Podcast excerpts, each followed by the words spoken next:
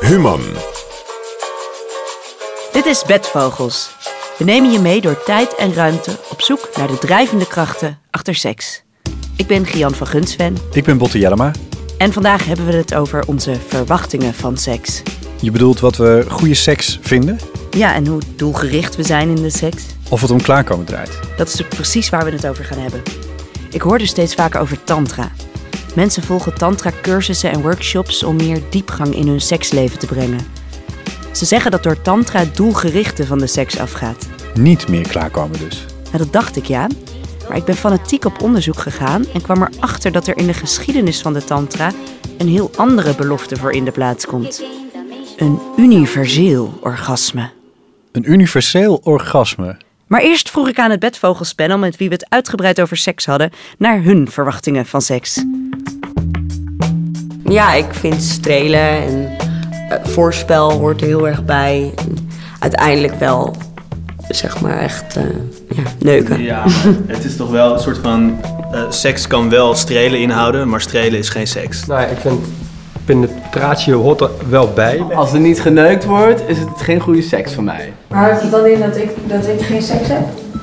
Als ik met een vrouw ben? vind ik, oh, sorry, dat vind ik anders. Klaarkomen eh, hoort er, is denk ik wel bij iemand die je een beetje kent, wel echt bij. Nou, voor mij hoort klaarkomen er ook niet direct. Ja, hoort er wel een beetje bij, maar het is niet zo dat de seks mislukt is of zo. Ik denk dat vrouwen misschien iets minder orgasme georiënteerd zijn. Weet ik niet zeker hoor, dat, dat, dat kan ik me voorstellen. Dat het bij mannen iets meer om het orgasme draait. Nou, deze vrouw. eh, ik spreek alleen voor mezelf, maar ik denk dat ik, dat ik meer. eh, ik, ja, ik weet wel dat ik iets meer wil dan, eh, dan de Ik rest. denk niet dat je het kan generaliseren dat vrouwen minder georiënteerd zijn op een orgasme. Nou, Dat denk ik zeker niet. vergelijking met mannen. Ik denk gewoon als je dan eenmaal bezig bent. En eh, als man zijnde is, heb je echt een heel duidelijk eindpunt. en Dat is het orgasme. Ik denk dat je dat als vrouw misschien minder hebt. Ik vind dat als je seks hebt, dan is, het, dan is klaarkomen wel, eh, wel heel fijn voor allebei. Ik geniet er veel meer van als je dat gewoon allemaal kan loslaten. Traditioneel is seks heel doelgericht.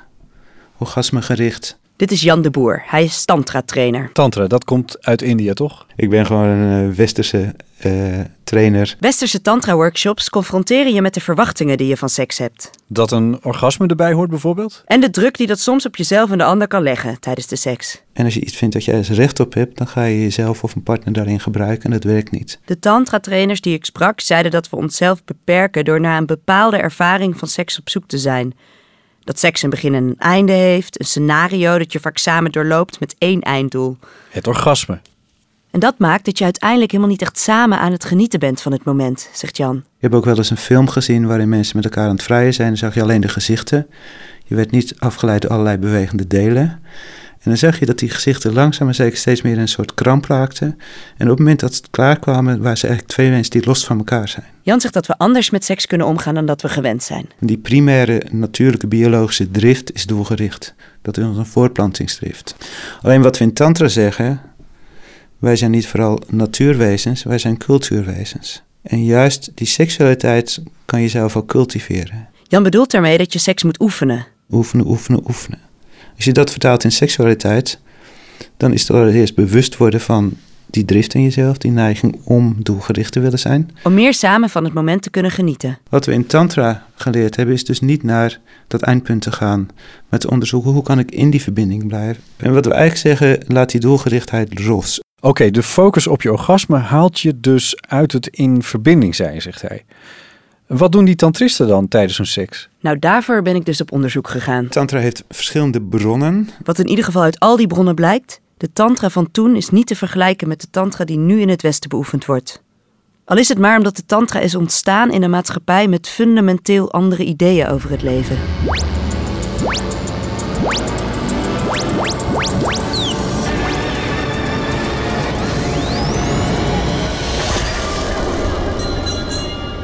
We zijn in de 9e eeuw na Christus, in India, waar de traditie van het tantrisme volop bloeit.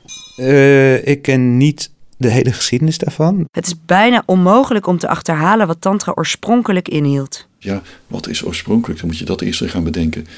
Hè, want, want aan die tantrische rituelen gaat ongetwijfeld ook weer iets vooraf.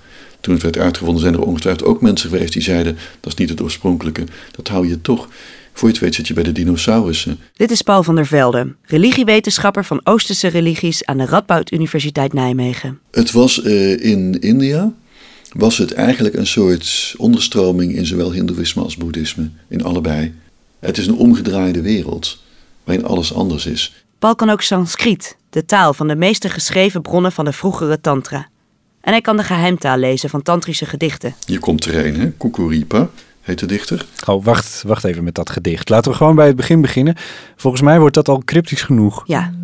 Wat betekende tantra bijvoorbeeld? Eigenlijk betekent tantra, als, als, een, als een ritueel tantrisch is, betekent dat in India eigenlijk alleen maar dat je gebruik maakt van een ander soort mantra's. En mantra, dat is. Iets tussen een gedicht en een gebed. Uiteindelijk werd tantra een soort religie, een beoefening en een wereldbeeld. Tantra maakte gebruik van een herkenbare symboliek. Dan werkt men met opposities, hè, tegenstellingen, licht, donker, man, vrouw, eh, dat soort zaken. Zo geloofden de tantristen ook, in tegenstelling tot de andere hindoes en boeddhisten, dat je door dingen te doen die zij als laag bestempelden, juist tot grote hoogtes kon komen. Dus dat je werkt wat dat betreft een soort ultieme, erotisch geïnspireerde verlichtingservaring hebt. In ieder geval de linkshandige tantristen geloofden dat. Je hebt linkshandig tantrisme, Wama Margika, en rechtshandig Dakshina Margika heet dat in Sanskriet. Wama Magiga. Zoals in westerse religies de hemel het hoogste doel is, zo is voor de meeste oosterse religies de verlichting het doel. En dan bedoelen ze een soort high worden zonder drugs? Zoiets. De rechtshandige tantristen deden allemaal hele kuise rituelen en mentale oefeningen om die verlichting te bereiken.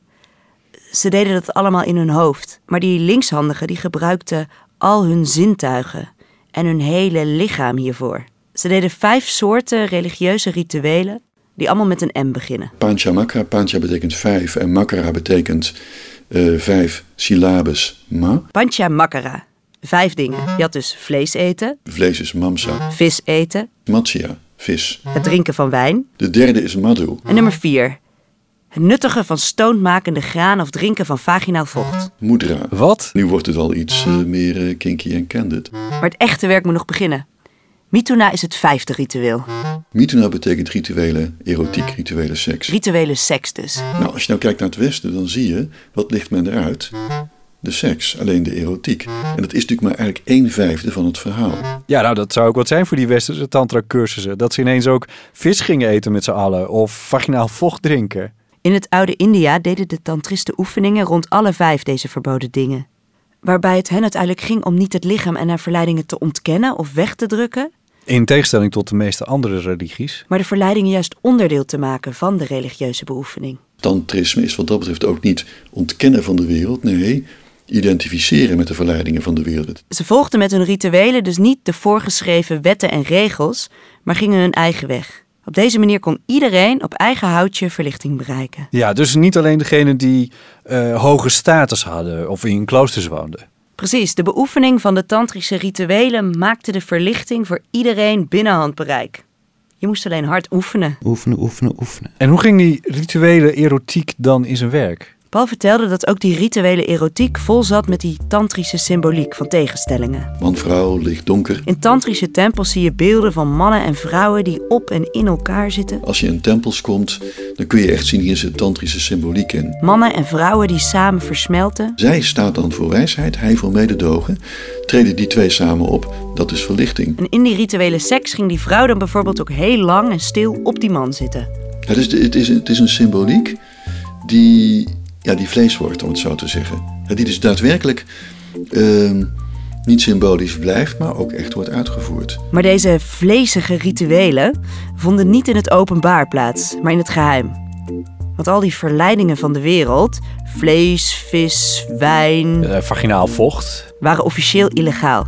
Je deed het liever niet thuis. Je deed het eh, in een geheim genootschap in een aparte ruimte. De beoefening van deze tantrische rituelen werd in het 9e eeuwse India een parallele wereld aan de alledaagse. Kastenbarrières vallen weg. Mensen die elkaar overdag niet eens zullen begroeten, komen elkaar s'nachts in die rituelen tegen. Die rituelen stonden onder deskundige begeleiding en vonden vaak plaats waar niemand het zag. Midden in de nacht, hè, als iedereen hoort te slapen, Dan heb jij je rituele seks. Jeetje, dus midden in de nacht zaten die stellen in een geheime club seks met elkaar te hebben.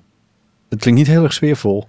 Nou ja, die Paul van der Velde vertelt ook dat er ethisch gezien weinig romantisch was aan deze rituele seks. Die rituele seks moest plaatsvinden, als het even kon, met een absoluut onreine vrouw. Hè, dus iemand die, die helemaal aan de, aan, de, ja, aan, de, aan, de, aan de zelfkant van de samenleving leefde. Ah, dat is dus weer die tegenstelling van hoog en laag. Ik begin het een beetje door te krijgen. Ja, en de vrouw werd best wel gebruikt. In, in het oude India was die positie van de vrouw hierin eh, nogal gering hoor. Dat moeten we niet eh, overschatten. De hele beoefening van de seks in het oude India had namelijk niet per se te maken met het verbeteren van het liefdespel, zoals nu in het Westen. Ze hadden er heel andere bedoelingen mee. Zoals? Tantristen deden de rituele seks niet om fantastische seks met hun geliefde te beleven, maar voor de verering van de chakra's. De chakra puja. De wat? Tja, in het oude India en al helemaal in de tantra bestond er een nogal ander idee van het menselijk lichaam. Men gaat ervan uit dat er in het menselijk lichaam energiecentra zitten. eh, een soort cirkels. Oftewel chakra's. Ja, chakra's. En enkele energiekanalen. Een hele grote in het midden, de zogeheten eh Sushumna. En links en rechts Ida en Pingala. Die Ida en Pingala zitten vast aan de neusgaten. Wacht even. Zitten vast aan wat? Eh, ja, we zijn dus in een tijd en cultuur beland waar heel anders wordt gekeken naar het lichaam. Je moet, je moet ook, ook bedenken, als je een lichaam gaat opensnijden, kom je dit allemaal niet tegen. Dit zijn ja, een soort spirituele inkleuringen van het lichaam. Waarom moeten we dit allemaal weten? Nou, dit is belangrijk om te weten, om te begrijpen wat die tantristen precies beoefenden. En ehm, onder in de Sushumna ligt een kracht. En die ligt daar eh, gekronkeld als een grote spiraal, de zogeheten Kundalini-kracht. De kundalini kon je oproepen door oefeningen en rituelen met die vijf verboden dingen, zoals de rituele seks. De kundalini stijgt dan als een soort cobra-slang op, door je lichaam, door de sushumna. En als die is opgestegen, boven je hoofd, dan heb je een fantastische ervaring. Wat dan wordt ge- omschreven als een universeel orgasme. Een universeel orgasme. Dat orgasme zou zo hevig zijn dat tijd en ruimte en beperkingen helemaal wegvallen. Dus dat je werkt wat dat betreft een soort ultieme, erotisch geïnspireerde verlichtingservaring hebt. Daar waren die tantristen dus op uit. En dat is dus nogal wat. Ja, Dat is nogal een, eh, een- een forse gewaarwording. Nou, daar gaat Tantra eigenlijk over. Maar was dat een letterlijk orgasme? Op lichamelijk gebied gaat het om een heel groot orgasme. Hè, Het is super zintuigelijk, alle zintuigen doen mee, waardoor het ook de zintuigen overstijgt. Dat is de voorstelling. Mahasukha, het grote geluk. Hè? Wat trouwens wel heel belangrijk was, moet ik ook ook echt niet vergeten te zeggen. Het was wel de bedoeling dat de man niet klaar kwam. hey, dit doet me ineens heel erg denken aan onze aflevering over het eh, Taoïsme in China. D- Daar mocht je ook al niet klaarkomen. Ja, het is wat met die Oosterse aanpak. Ehm, ze maken overigens wel het onderscheid tussen ejaculatie en orgasme. Niet klaarkomen betekent dus niet per definitie geen orgasme. Oh. Het spirituele, universele orgasme gaat niet met een zaadlozing gepaard. Dat is even wennen misschien. Maar eh, het was de, de voorstelling, het zaad van de man is de kundalini-kracht. Die moet omhoog gaan via die sushumna. Dus het moet een soort geestelijk orgasme worden, geen lichamelijk orgasme. Hier komt dat oefenen van Jan weer om de hoek kijken, want niet klaarkomen is helemaal niet makkelijk. Eh, nee. Dat vereist nogal wat eh, techniek. We moeten de erectie zo lang mogelijk eh, volhouden zonder orgasme.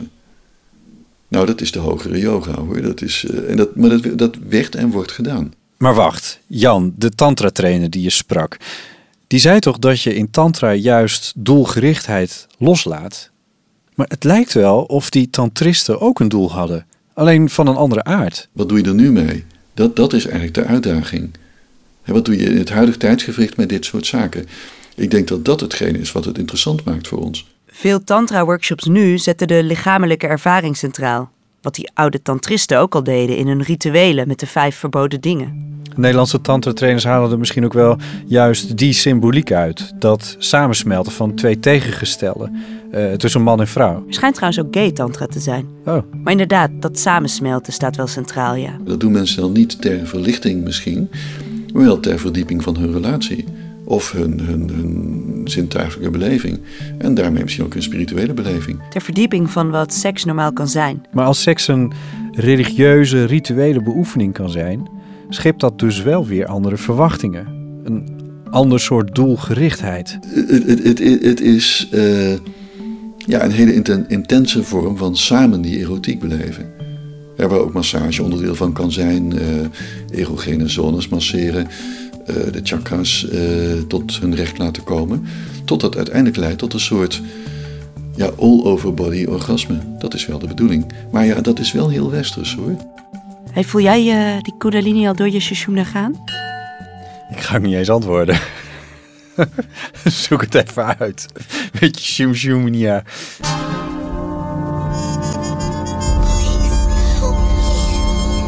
Dit was Bedvogels, gemaakt door Jan van Gunsven, Judith Konijn en Christel Sunter voor Omroep Human en NPO Lab.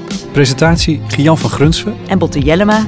En aan deze aflevering werkten mee Jan den Boer van tantratraining.nl Paul van der Velde van de Radboud Universiteit Nijmegen. en het Bedvogelspanel. Techniek Alfred Koster. Wil je meer weten over onze serie? Kijk op www.human.nl slash bedvogels. En we zijn natuurlijk te downloaden via onze website, iTunes en via je podcast app. Laat je via iTunes weten wat je van bedvogels vindt? Dankjewel en tot de volgende keer. I'm scared. scared.